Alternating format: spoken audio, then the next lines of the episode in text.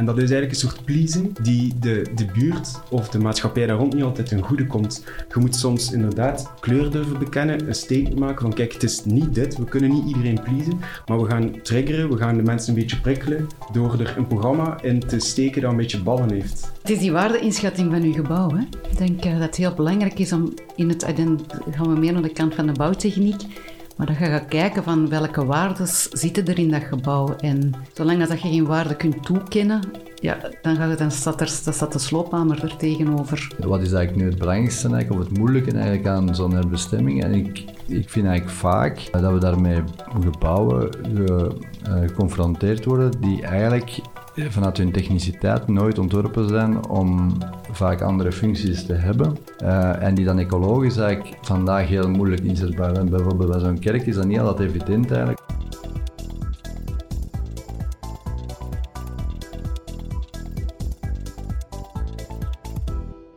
Van kerk naar circusschool, van goederenstation naar bedrijvencentrum en van een drukkerij naar een theaterzaal. Herbestemmingsprojecten geven architecten de kans om verleden en toekomst op verrassende wijze met elkaar te verbinden. Stof genoeg dus voor een nieuwe podcast van Architectura. Mijn naam is Stef Pennemans, ik neem de montage en voice-over voor mijn rekening. Rick Neven, zaakvoerder van redactiebureau Palindroom, nam het interview af. Onze drie praatgasten zijn Ruben Dont van Plano Architecten, Nadia van Houten van Bureau Bouwtechniek en David Driessen van DMVA Architecten. De gasten zijn zeker niet toevallig gekozen. Alle drie sleepten ze een nominatie voor de Belgian Building Awards in de wacht in de rubriek Utility Building. Niet toevallig alle drie met een herbestemmingsproject. Wie van de drie gewonnen heeft, verneemt u, maar evenzeer ook onze gasten tijdens het interview. De podcastopname vormde dus meteen ook een prijsuitreiking. De drie projecten zouden zonder meer alle drie een verdiende winnaar zijn. Waarom? Dat vragen we hen zo meteen zelf. Maar eerst nog een dikke dankjewel voor onze structurele podcastpartners. Callis of Communication, communicatiepartner gepassioneerd door technologie, bouw en HR. Wienerberger, meer dan 200 jaar ervaring in baksteen, kleiklinkers en keramische dakpannen. Assiver, verzekeringsmakelaar gespecialiseerd in polissen voor architecten en ingenieurs. En tenslotte Cubus, partner in BIM voor Archicad, Solibri en BIM Collab.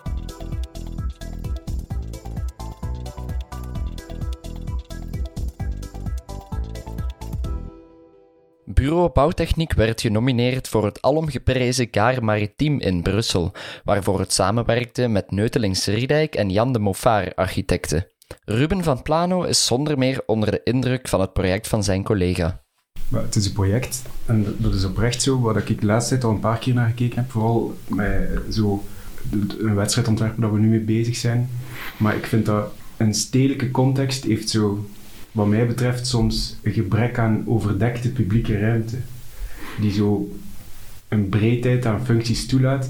En jullie ontwerp heeft zo een breed aanbod van kom maar binnen en, en, en een ongelooflijk aanbod van publieke ruimte. En, en dan gecombineerd met een volgens mij zeer straffe, zowel esthetisch vorm, maar ook functioneel, een straffe ingreep die die ruimte ook die ruimte laat zijn. Waardoor dat, mocht ik er naartoe gaan, ben nog niet geweest, dat ik het gevoel heb dat ik uh, op een overdekt plein gewoon mijn ding kan doen, maar dat het toch ingericht is. Ik vind het zeer subtiel. Dus ik zou dat wel een terechte winnaar vinden, persoonlijk. Nadja, wat vind je zelf de grootste troef van uh, Gaar Maritiem? Ja, ik vind het heel mooi dat de waarde is gezien in een bestaand patrimonium.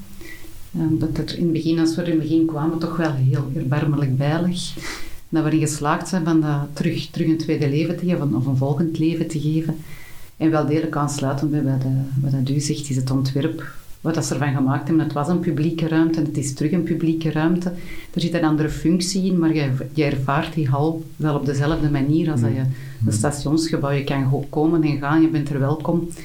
Het heeft een nieuwe functie en het is ja, subtiel toch vormgegeven. En we hopen dat als het morgen wat meer toegankelijk is na COVID, dat er wel degelijk mensen op het plein zullen rondhangen en ook binnenmarktjes georganiseerd worden en activiteiten. DNVA-architecten kregen nominatie voor kunstencentrum Nona in hun hometown Mechelen.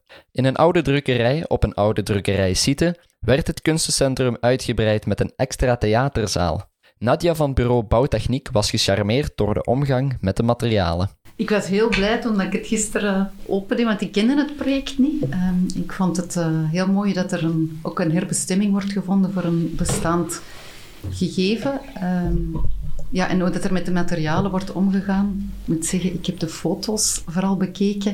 Ik heb nog niet echt diepgaander naar het programma kunnen kijken. Maar ik ben zeker van plan van er een keer langs te gaan. Want gewoon dat er met de materialen wordt omgesprongen, uh, vond ik een heel mooi antwoord op de vraag.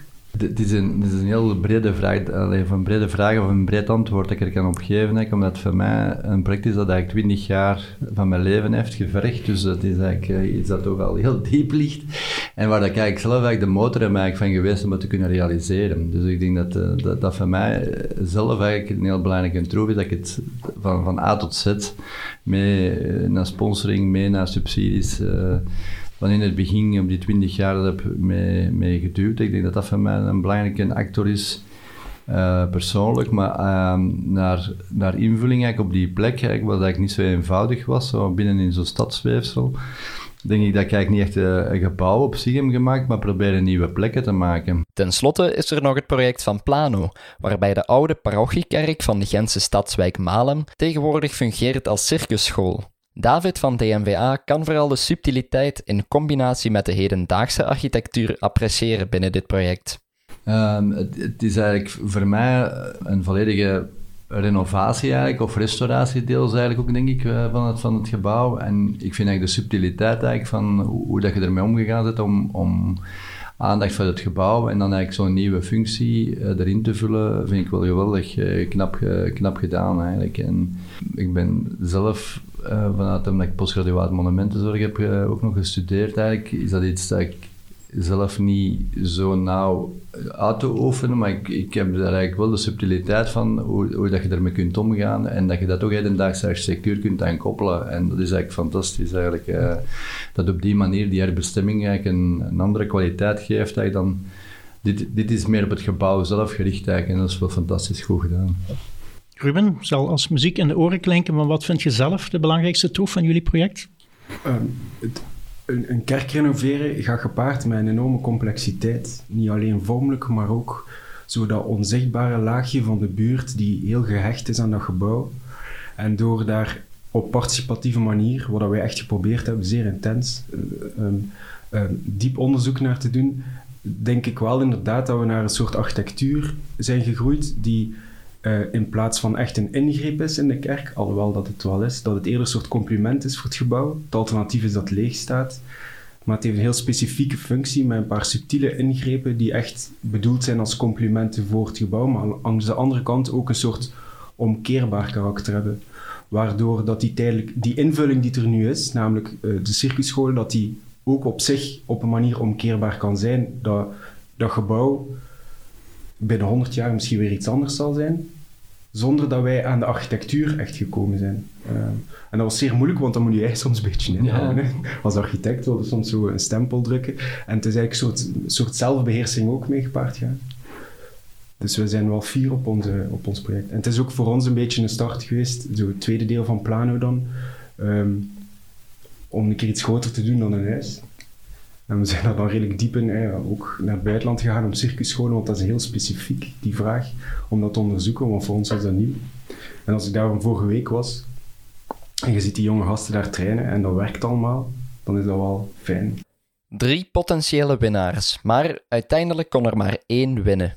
Wie dat is, hebben we tijdens het podcast-interview bekendgemaakt.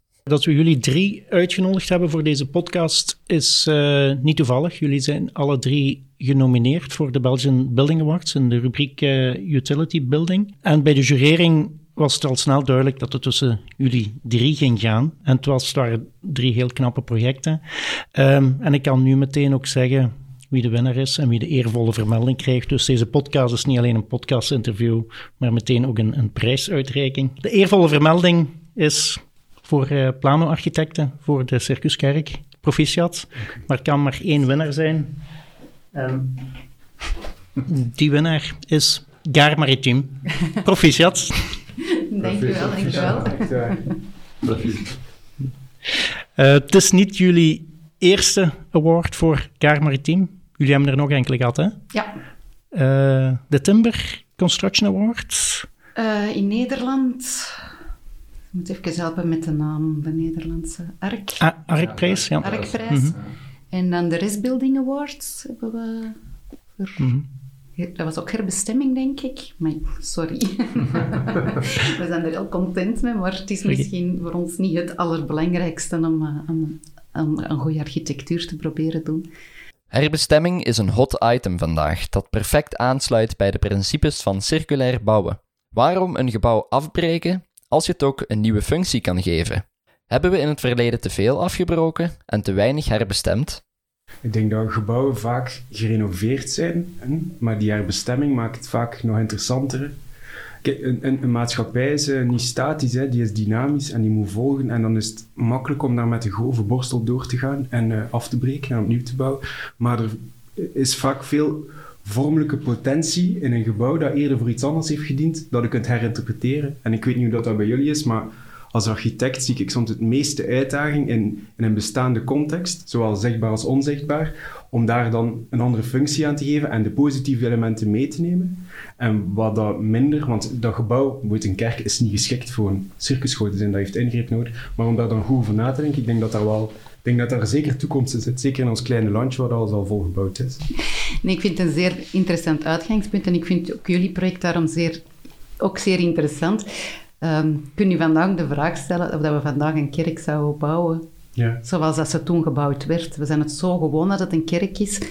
Dus ik vind het heel mooi dat er in een herbestemming wordt gekeken naar welke functies steken we daarin. Als het vroeger publiek was en je kunt verder dat die bestemming verder laten leven en laten groeien, krijg je meestal architecturaal ook een, een juist antwoord of een, of een goed antwoord. En die hebben jullie ook. gekregen een, een samenkomen in een kerkgebouw, een soort achter, achter hetzelfde staan dat je in een circusschool ook ergens kunt zien van, van mensen komen samen creëren, samen denken, samen.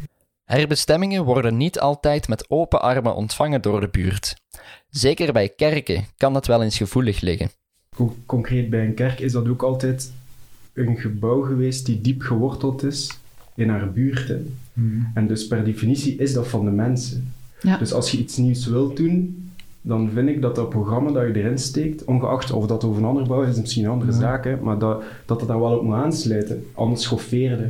En dan is de complexiteit een beetje van die nieuwe herbestemming. Je moet je inbeelden, in Malem, dat is zo'n eilandje rond Gent. Het gaat daar niet veel energie of tijd in. Is, is, het is daar nog niet veel liefde in gestoken in Malem. Het is ooit gebouwd en dat is een wijk die op zich, maar dat loopt zo leeg qua functies.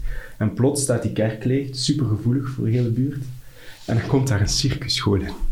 Kun je dat inbeelden? Mm. Voor, voor mensen in de buurt is dat op zich al gewoon het verhaal. Hè? Je moet dan nog ja. vormelijk als architect een uitspraak hebben gedaan. Hè? En om dat dan toch terug bij elkaar te brengen en bijvoorbeeld bij ons in de kerk uh, heel stuk aan de voorzijde foyer te voorzien, wat dat eigenlijk gewoon een buurthuis is. En de twee eiken grote deuren permanent open te laten staan, zodat het dat massief karakter toch een beetje doorbreekt um, kunnen wel als architect terug toenadering zoeken naar die buurt. En als je dat dan nog een keer participatief onderzoekt en je overlegt die stappen met de buurt, met de gebruikers, dan kun je dat onevenwicht dan een beetje is gegenereerd door die herbestemming, want dat ligt echt gevoelig een beetje herstellen. Um, maar het is zeker interessant en het zou zonde zijn om al die mooie gebouwen gaan verloren te laten gaan of leeg te laten staan. Ik, denk kijk, um, dat we vandaag eigenlijk, waarom het er een verandering is eigenlijk in functie van die herbestemming, dat dat eigenlijk uh, wel degelijk een, mo een, momentum is eigenlijk in, uh, in de maatschappij, dat dat eigenlijk ook mogelijk maakt. Ik denk dat we um, vanuit uh, restauratie of renovatie vaak inderdaad bekeken hoe dat een gebouw in elkaar zat en dat gebouw, het gebouw alleen maar mocht re renoveren of restaureren. En ik denk dat er nu heel veel gebouwen um, zijn karakter eigenlijk uh, van functie beginnen te verliezen en dat er eigenlijk aandacht moet komen om die gebouwen te redden. En dan worden er eigenlijk interessante issues die eigenlijk gekoppeld zijn bijvoorbeeld aan een buurt uh, die eigen is aan de buurt en dat dan toch een nieuwe functie kan genereren eigenlijk. En ik denk dat dat eigenlijk heel boeiend is, dat dat een serieuze uitdaging is als, als architect, omdat iets interessants mee gaan te doen eigenlijk. En dat, is dat nu met een kerk of een ander soort type gebouw? Ik denk dat dat ongelooflijk interessant is. Per toeval met, met Gaar Maritiem we hebben denk ik rond 2000 ooit ook in die ruimte gestaan eigenlijk. En ze hebben toen ook uh, toen op dat moment is die vraag gesteld, wil daar iets mee, of kun je daar iets mee doen eigenlijk? Maar uiteindelijk is daar toch niks van verder gekomen. Uh, dus ik weet eigenlijk wat voor een interessante uh, site en gebouw dat dat is eigenlijk. Dus je kunt daar eigenlijk uh, ferme dingen mee doen. Om het even uit, schoon uit te drukken. Maar ik, ik, denk dat eigenlijk echt een, dat eigenlijk de grote verandering is eigenlijk in, ons, in ons denken. Waarom dat eigenlijk vandaag eigenlijk die herbestembaarheid eigenlijk nog een grotere impuls heeft dan het eigenlijk ooit in het verleden heeft geweest. Nou, ja, herbestemming en, en circulair bouwen kunnen niet losgezien worden van elkaar. Voor mij niet, uh, het is die waardeinschatting van uw gebouw. Hè. Ik denk uh, dat het heel belangrijk is om in het... Dan gaan we meer naar de kant van de bouwtechniek. Maar dan ga je kijken van welke waarden zitten er in dat gebouw. En zolang dat je geen waarde kunt toekennen, ja, dan, gaat het, dan, staat er, dan staat de sloophamer er tegenover. Maar die waarde die kan op heel veel niveaus liggen. Die kan op materieel niveau liggen, die kan op maatschappelijk niveau liggen, die kan vanuit de buurt komen. Uh, en ik denk dat we daar veel meer gaan moeten naar kijken. En ik denk dat dat ook een mooie meerwaarde is van, van de Gaar Maritiem. En ik denk voor, van ons uit, oogpunt uit is er heel veel naar de materialen en de kwaliteiten van, van de constructie gekeken. En daar ligt een stuk van die circulariteit in. Mhm. Want herbestemming is op zich al circulair eigenlijk, maar bij een herbestemmingsproject moet je ook de andere principes van circulair bouwen ook uh, toepassen, Ruben. Ja, uh, ik kan niet zeggen dat wij daar echt een nadruk uh, hebben opgelegd, maar een, onze ingreep is ook zo minimaal.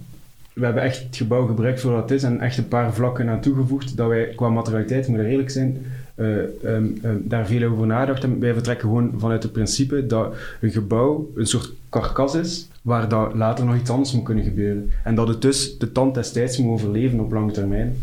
Uh, dat is een beetje ons vertrekpunt altijd geweest. Dus je moet ook al nadenken over volgende mogelijke bestemmingen. Um, ik denk dat eigenlijk een gebouw, als het kan, hè, en als het eigenlijk afgetoetst is en al die waardes om, om toch te kunnen blijven staan, denk ik dat je altijd een gebouw moet kunnen reversibel maken. Ik denk dat dat super belangrijk is om de duurzaamheid van zo'n gebouw uh, verder te kunnen bestendigen. Ik denk zo dat ik vandaag, allee, ik vind eigenlijk vandaag eigenlijk circulair en is het nieuwe duurzaam van enkele jaren geleden. Uh, het is eigenlijk uh, super interessant om dat eigenlijk mee te nemen in uw bouwproces.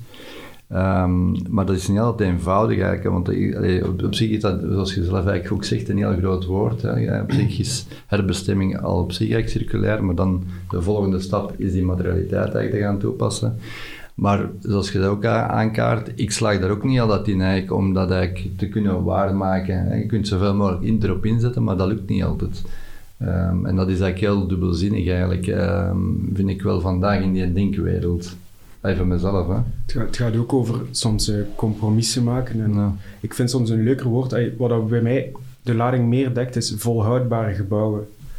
En dat heeft verschillende facetten. Uh, ecologisch, maar ook... Allee, uw bouw heeft een bepaald budget. Ja. En dat is een heel grote factor binnen uw ontwerpproces.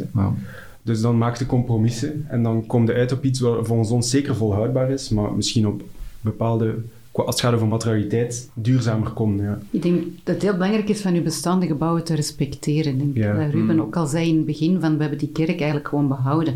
Als je die kerk vandaag zou moeten bouwen, dat is, dat is niet te financieren. Dat is enorm, enorm veel materiaal dat er in zo'n gebouw ingaat.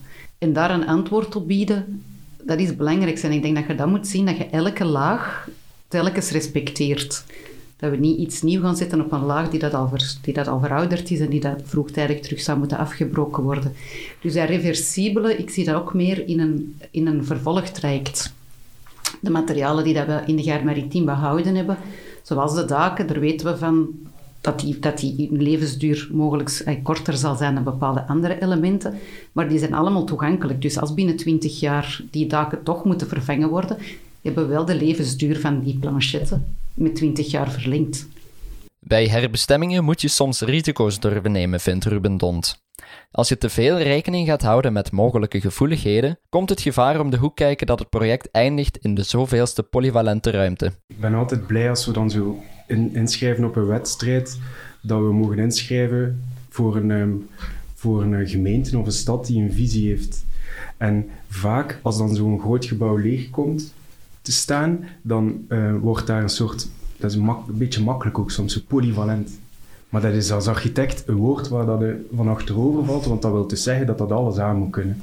Maar begin maar een keer akoestisch een gebouw in orde te zetten voor zowel een receptie als voor een koor dat daar kan optreden. Dat zijn eigenlijk twee verschillende dingen. Dus ik vind het altijd straf, en vandaar de Circusplaneet ehm, als organisatie, één wel bepaalde functie in een gebouw, dat kun je daar ook op toespitsen, waardoor dat Vlaanderen ook een soort diversiteit, diverser landschap wordt. Dat die kerken niet allemaal polyvalente ruimtes worden, maar een keer heel specifiek een bibliotheek, heel specifiek uh, een circusschool, uh, lijkt mij straffer dan het grijze compromis van een polyvalente ruimte, waar dat dan in dat één gebouw alles moet gepropt worden.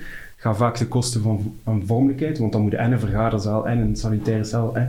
Uh, terwijl als je dat eenduidig houdt, kunnen volgens mij ook straffere architectuur ingrepen doen die ook zichzelf mogen laten zien, want het hoeft niet polyvalent te zijn. Het mag bepaald zijn, het mag een identiteit hebben. Uiteraard is elk herbestemmingsproject anders. Toch zijn er bepaalde uitdagingen die altijd terugkomen. Wat vinden onze panelleden nu het moeilijkste aan een herbestemmingsproject? Bij mij het, het, vinden van de connectie met de, met de omgeving en, het gebouw laten verder bestaan. En opnieuw, sommige gebouwen moeten echt soms zelfs waarde krijgen. Er zijn bepaalde gebouwen die dat we strippen, maar die dat een heel slecht imago hadden. En die ja, op dat imago kunnen inspelen, of dat dan goed of slecht is, dat, dat is een enorm interessante uitdaging. Voor ons, hè, die onzichtbare context van een gebouw, want daar hebben we het dan een beetje over, van ja, wat de, de geschiedenis, wat is er allemaal gebeurd, die in kaart brengen. Uh, die uitdaging is inderdaad zeer groot, want daar zit het falen van je gebouw of het, of het slagen. Hè voor ons de manier om dat in kaart te brengen is om dat zo integer mogelijk participatief te onderzoeken. En participatie is zo'n beetje een, een, een, begrip dat vaak zo in een zachte context wordt gebruikt. Waarbij dat mensen dan denken dat we samen met de mensen op zoek gaan naar de kleur van schrijnwerk, zo, weet dat, zo die laatste laag. Maar ik denk als je participatief echt onderzoekt in die eerste, in die allereerste fase, waarbij dat het gebouw nog alles kan zijn, hè, en, en elke piste ligt nog open. Dan kun je de kern onderzoeken, waar dat mensen voor openstaan en ook waar dat ze niet voor openstaan. En als je zo binnen dat traject, dan, moet dan heeft het helemaal geen zin om met mensen te bespreken welke kleur dat de vloer moet hebben. Mensen hebben daar geen boodschap aan. Hè. Vormgeving, eh, gewenning is de beste vormgever, zeggen ze. Mensen wennen daar wel aan. Maar de inhoud moet goed zitten. En die inhoud komt niet altijd, die komt zeker niet van achter een tekentafel, denk ik. Uh, die komt misschien ook niet altijd van achter een gemeenteraad, maar daar moet echt in dialoog gaan. En dat hoeft niet altijd met grote workshops of enquêtes te zijn, maar je moet peilen naar de diepte, uh, denk ik. Als je daarin kunt slagen, heb je eigenlijk al 30% van je project. Uh, David, bij jullie was ook een belangrijk aspect, hè, die participatie. Um, wij nemen als, als, als bureau nemen we ook aan die participatie eigenlijk wel heel veel belang aan. Ik denk in deze verhaal is dat eigenlijk wel direct eigenlijk van, van binnen het begin uh, de bewustwording, wat, er eigenlijk mogelijk was op die site met een VZ2 eigenlijk. Dus dat, was eigenlijk echt fantastisch. En dat is dan eigenlijk heel uitgebreid eigenlijk met allemaal andere partners eigenlijk die daar zich uh, mee in betrokken hebben. Eigenlijk zelfs in uit, puur in uitvoering. Um, dus dat, dat heeft eigenlijk verschillende lagen van participatie gekregen. Dus ik vind dat wel, dat is wel iets uh, super interessant, participatie, maar je moet het juist inzetten, zoals Ruben ook zegt. Maar ik wou nog even ook eigenlijk inpikken eigenlijk op, dat, op dat vorige. Eigenlijk, um, wat is eigenlijk nu het belangrijkste eigenlijk, of het moeilijke eigenlijk aan zo'n herbestemming? En ik, ik vind eigenlijk vaak uh, dat we daarmee gebouwen ge, uh, geconfronteerd worden die eigenlijk vanuit hun techniciteit nooit ontworpen zijn om vaak andere functies te hebben. En die dan ecologisch eigenlijk vandaag heel moeilijk inzetbaar zijn. Bijvoorbeeld bij zo'n kerk is dat niet altijd evident eigenlijk om, dat, om daar technisch mee om te gaan. En het zijn die uh, dingen die niet altijd eenvoudig zijn om uh, bijvoorbeeld een monumentenzorg eigenlijk te overtuigen dat dat allemaal wel mogelijk kan zijn. Dus ik vind dat eigenlijk een hele moeilijk, alleen buiten die andere factoren ook nog, maar ik vind dat zelf een hele moeilijk om die stap te overwinnen eigenlijk. Want dan moet eigenlijk uh, analytisch dan op dat moment een heel grote brug overgaan. En ik denk dat daar eigenlijk een monumentenzorg eigenlijk uh, ook vaak een, level mist, eigenlijk, omdat die te conservatief in hun denken zitten. Dus eigenlijk dat breed profiel van denken waar we nu over bezig zijn, bezitten die niet.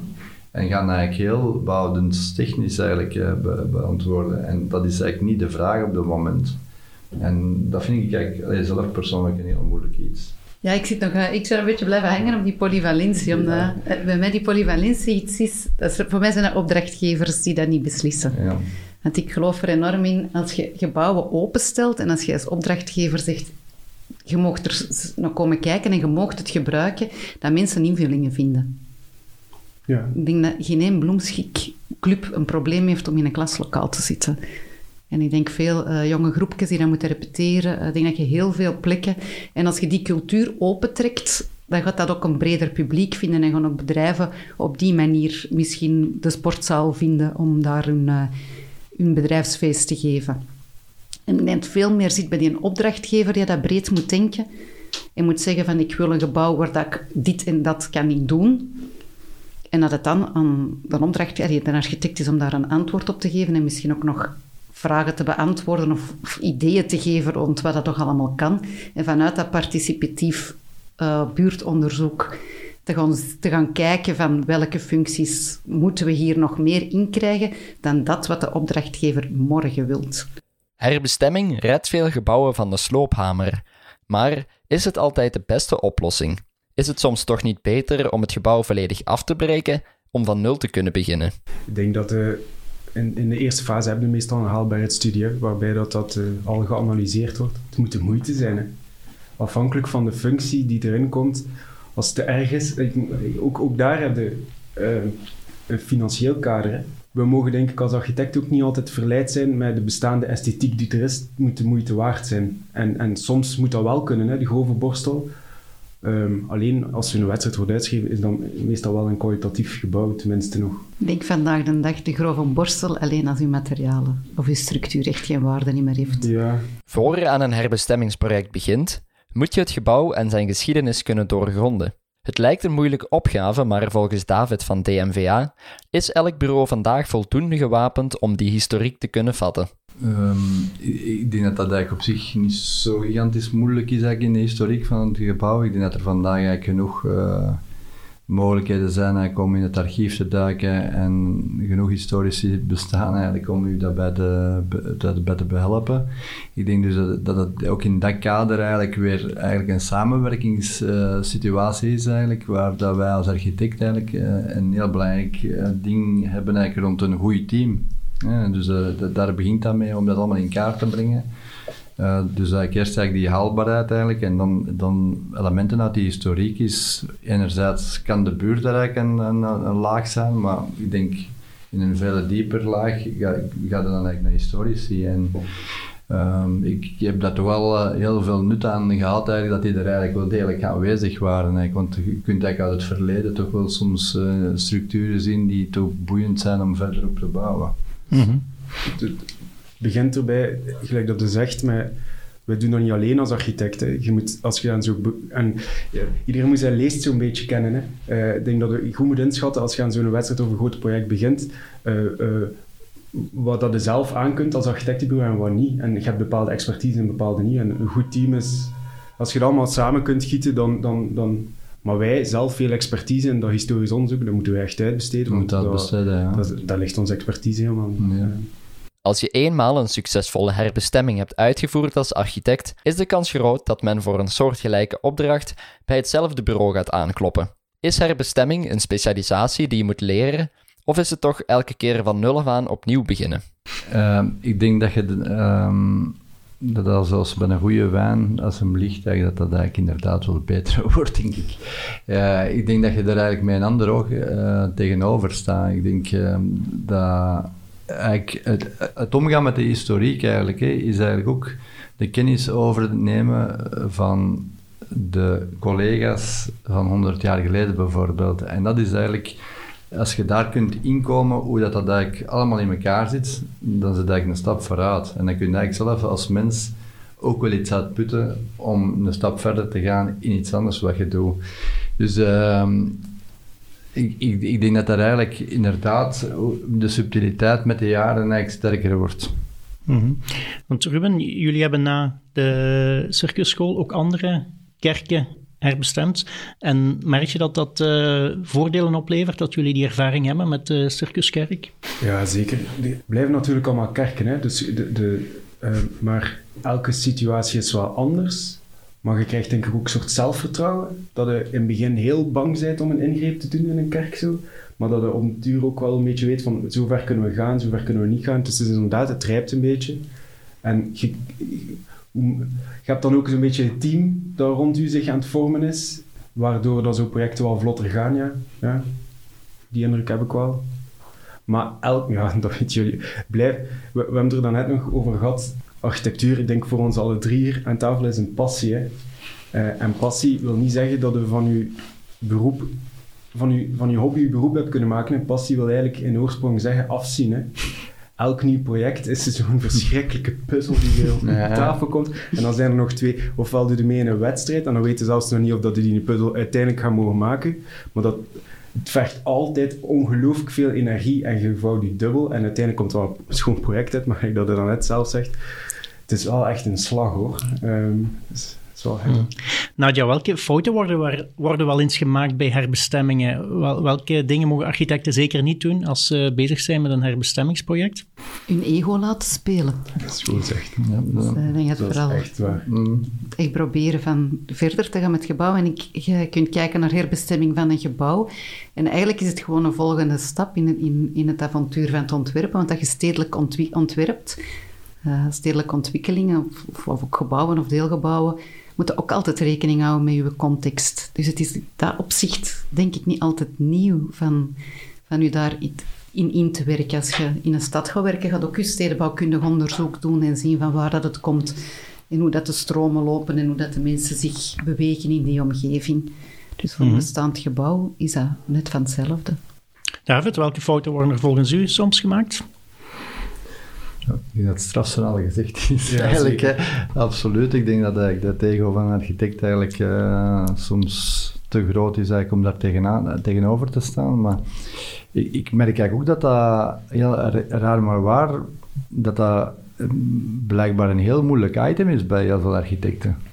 Um, ik, ik weet, als je gewoon in de stad kijkt, eigenlijk, hoe dat soms de integratie eigenlijk gebeurt ten opzichte van, dat gaat dan niet over herbestemming aan zich, maar inkanteling in een stad, hoe moeilijk dat, dat eigenlijk bij architecten ook is, want dat is eigenlijk ook vaak een ego-tripperij om een gebouw te kunnen creëren.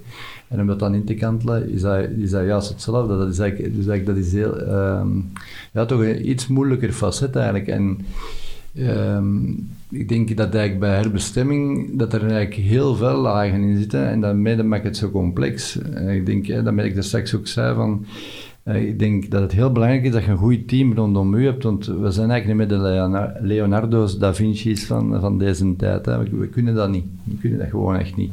Dus we moeten eigenlijk echt een goed team rondom, rondom, rondom ons hebben. Ik denk dat dat het heel, dat voor mij het belangrijkste is eigenlijk.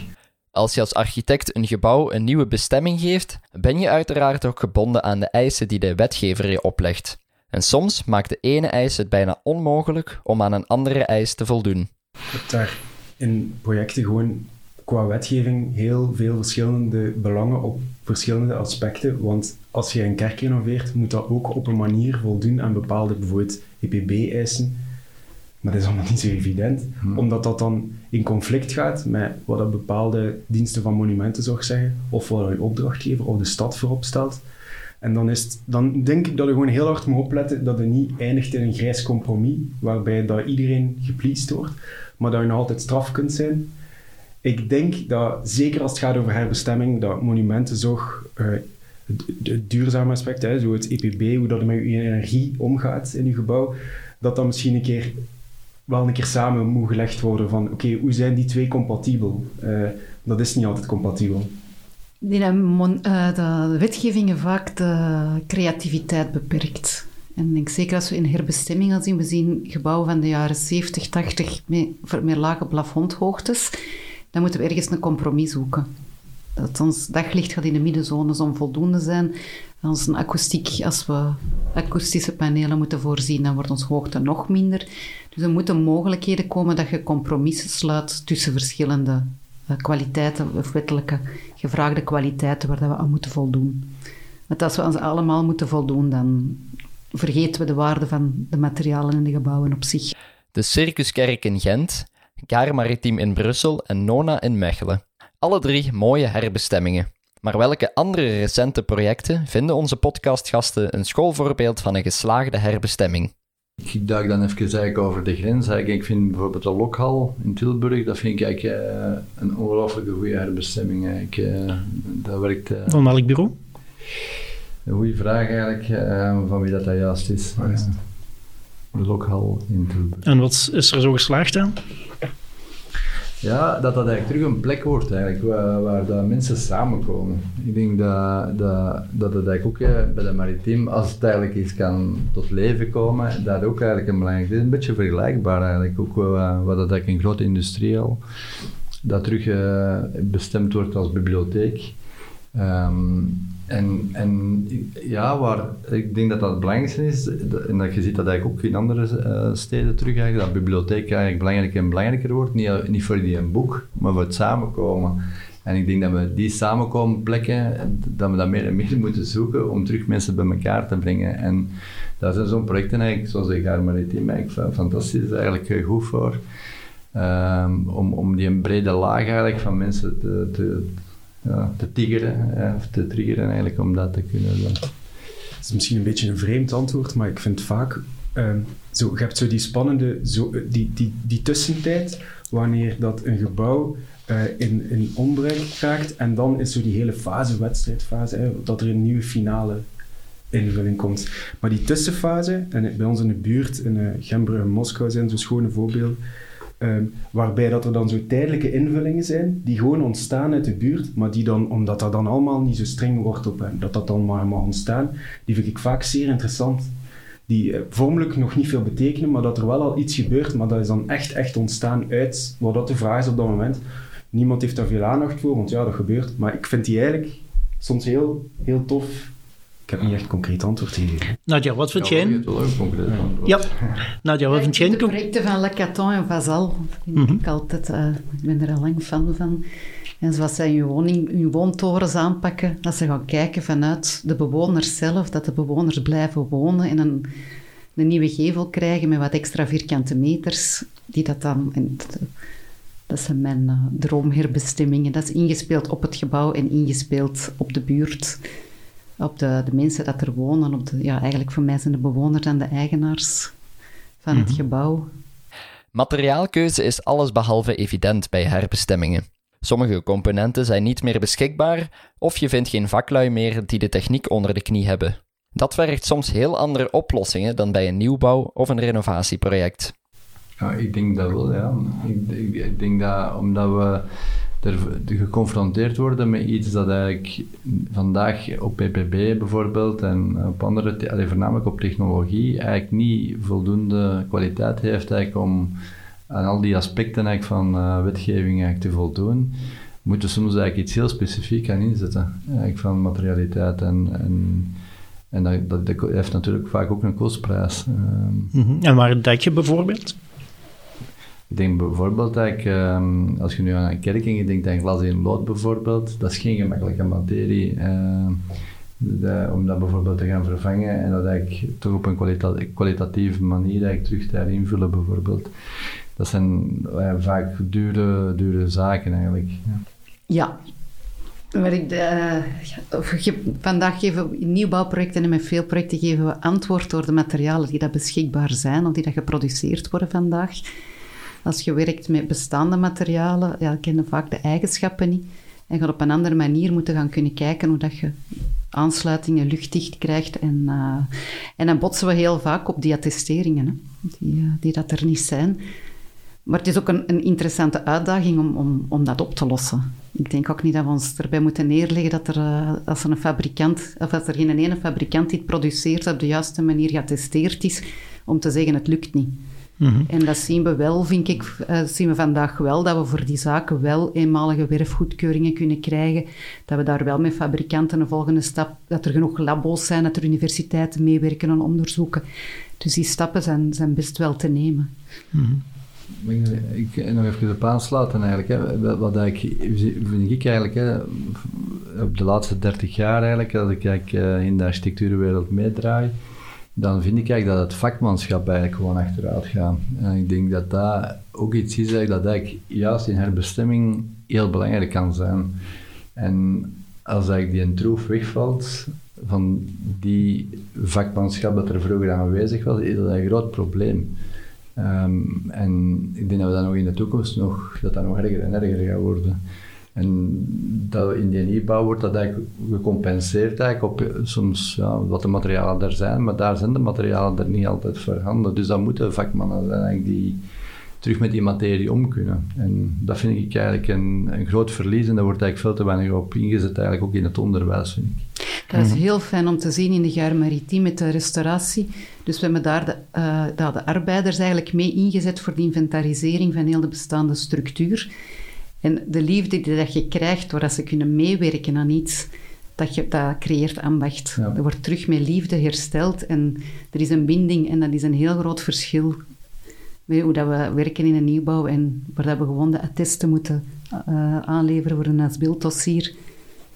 De betrokkenheid van, van een arbeider of van een, dat je dat maakt van een arbeider en een ambachtsman. Maar het is een beetje zoals gezegd, je, je hebt soms heel specifieke antwoorden nodig. Allee, of oplossingen, maar dat genereert ook veel creativiteit. Hè? Omdat je net uit als standaard traject moet denken, want het past toch niet in je gebouw of binnen je kerk, dat je dan toch op soms leukere oplossingen komt dan dat je misschien in een bestaande context ja. of in een niet-herbestemmingscontext zou opgekomen zijn. Dus ik vind ook wel ergens een voedingsbodem. Heb je daar concrete voorbeelden van? Op een bepaald moment komt het dus in een situatie dat we de kerk renoveren en dat we in een situatie komen waarbij dat monumentenzorg zegt, ja, we willen graag die vloer behouden. Maar ja, tegenwoordig, uh, riolering moet aangepast worden, je wilt toch je vloer wel isoleren, want er gaat daar een circus scholen. Dan moet een stuk van de vloer gerecupereerd worden, waardoor dat we, we hebben dat niet over heel de kerk kunnen doen. Alleen maar in een foyer, als je echt binnenkomt, dat we die bestaande tegels helemaal uit... Dat is dan echt met de buurt gebeurd. Omdat, ja, wie doet dat nog? Tegels. Eén, die tegels worden niet meer gemaakt. Twee, wie heeft nog de tijd om die allemaal stuk voor stuk te decementeren mm. en dergelijke. En dat is eigenlijk een heel mooi buurtproject geworden, waarbij de tegels één voor één op Egyptische wijze zijn uh, schoongemaakt en teruggelegd. Uh, en dat, dat, dat, dat, dat, dat legt nog een extra laagje op het project altijd zo. Dat dat dan gebeurd is door de buurt. Zo. Er zijn al heel wat herbestemmingstips de podcast gepasseerd, maar we vroegen onze gasten naar hun ultieme tip. Welke gouden tip zouden zij meegeven aan een jonge architect die start met een herbestemming? Bekijkt heel goed de waarde die dat het gebouw en de materialen in zich heeft. Ik denk aansluitend, die tegels... Um, vandaag de dag zien we uh, herbestemmingen en dan zeggen ze van oké, de trap al zit op de goede plaats, we behouden die, maar we nemen alle tegels weg. Het enige wat je niet kunt recupereren is een tegel, want alles wat erachter zit kun je veel gemakkelijker recupereren. Dus ik denk de waarde inschatten en kunnen zien van, van het bestaand patrimonium en bestaande materialen is enorm belangrijk bij herbestemming. David, wat zou uw tip zijn voor een jong architect? Een jong architect moet voor mij altijd zien, zien, zien, zien, zien, zien. Dus eigenlijk, dat is eigenlijk zijn eerste leerschool dat hem kan krijgen, denk ik. Kijken. En in dit geval denk ik in functie van herbestemming ik denk, kijk hem goed omringen eigenlijk. Hè. Dat hij, als hij de juiste mensen heeft, kan hij eigenlijk zijn waardegoed van zijn denkpatroon eigenlijk wel degelijk omzetten. Um, en allee, ik denk dat daar ook de, de basisverschillen is eigenlijk ten, opzichte van de opleidingen die vandaag eigenlijk uh, gebeuren ten opzichte van vroeger. Dat wij meer createurs zijn van een denkproces en niet meer createurs van een, uh, een technisch proces tot eigenlijk een, een eindproces. Um, en dan, ik denk dat dat heel goed voelbaar is ik denk ik, bij, bij bureau bouwtechniek, dat er eigenlijk heel veel jonge bureaus eigenlijk afkomen om eigenlijk dat proces te begeleiden, denk ik. Hè. Omdat die dat gewoon, die zijn dat gewoon in hun eigen. Dus die, die, en die, die interesseren zich er ook niet in. Dus ik vind dat eigenlijk op zich goed, hè, um, dat, dat, dat, dat, jullie dat doen eigenlijk. Hè, dat, jullie dat, dat, dat aspect kunnen opvangen. En ik denk dat dat misschien ook een hele nieuwe materie eigenlijk in de toekomst ook kan zijn dat we eigenlijk een herschikking van het architectenberoep ook gaan krijgen. Ruben, wat zou je tip zijn? Herbestemmingstips voor een jonge architect? Dat is wel een beetje een tip voor mezelf dan eigenlijk. Uh, uh, dat klopt, ja. Dat is redelijk jong. maar ik, ik, ik weet, toen we in het je hebt een beetje schrik, hè, omdat het daar niet durft aankomen omdat het denkt, kunnen wij dat al. Maar je moet gewoon inschrijven, zolang dat u laat omringen door een juist team. Gewoon niet ervan uitgaan dat je allemaal zelf kunt. Dat, dat kan niet. ze, ze, maken nu dan een beetje wijs dat dat allemaal, maar dat is niet waar. Je zegt een deel van een team en als je samenwerkt en hebt de goede partners, dan lukt dat wel. Ehm, en anderzijds niet te veel schrik om schrijven, maar ook aan de andere kant ook niet onderschatten. Want de complexiteit, als het de eerste keer is dat je zoiets doet, uh, draagt veel verder dan dat in het begin denkt. Er komt veel meer op je af. Jij bent wel de architect die dat gebouw verbouwt en dat er dus voor dat het niet echt meer een kerk is. Dus je moet daar wel een beetje mee om kunnen. Het is, het is echt allemaal heel gevoelig.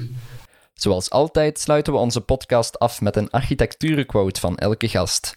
Onze jongste gast mag de spits afbijten. Hij zocht zijn inspiratie bij de Nederlandse dichter Lucebert.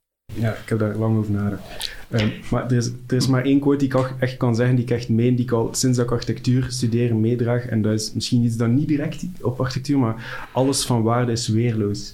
En uh, zo dingen die kwetsbaar zijn, zijn vaak de eerste dingen die worden weggeknipt bij een groot project. Schoonheid, menselijkheid, geborgenheid, dat zijn niet altijd tastbare dingen. Het zijn net die dingen die wij als architect een beetje moeten verdedigen, een beetje zorg voor dragen. Hele mooie quote. Ja, uw mail kwam gisteren binnen en ik was Radio 1 aan het luisteren over de rommelmarkt. En ik heb eerlijk gezegd een quote een beetje overgenomen. En er werd gezegd, afval bestaat enkel als men geen waarde toekent.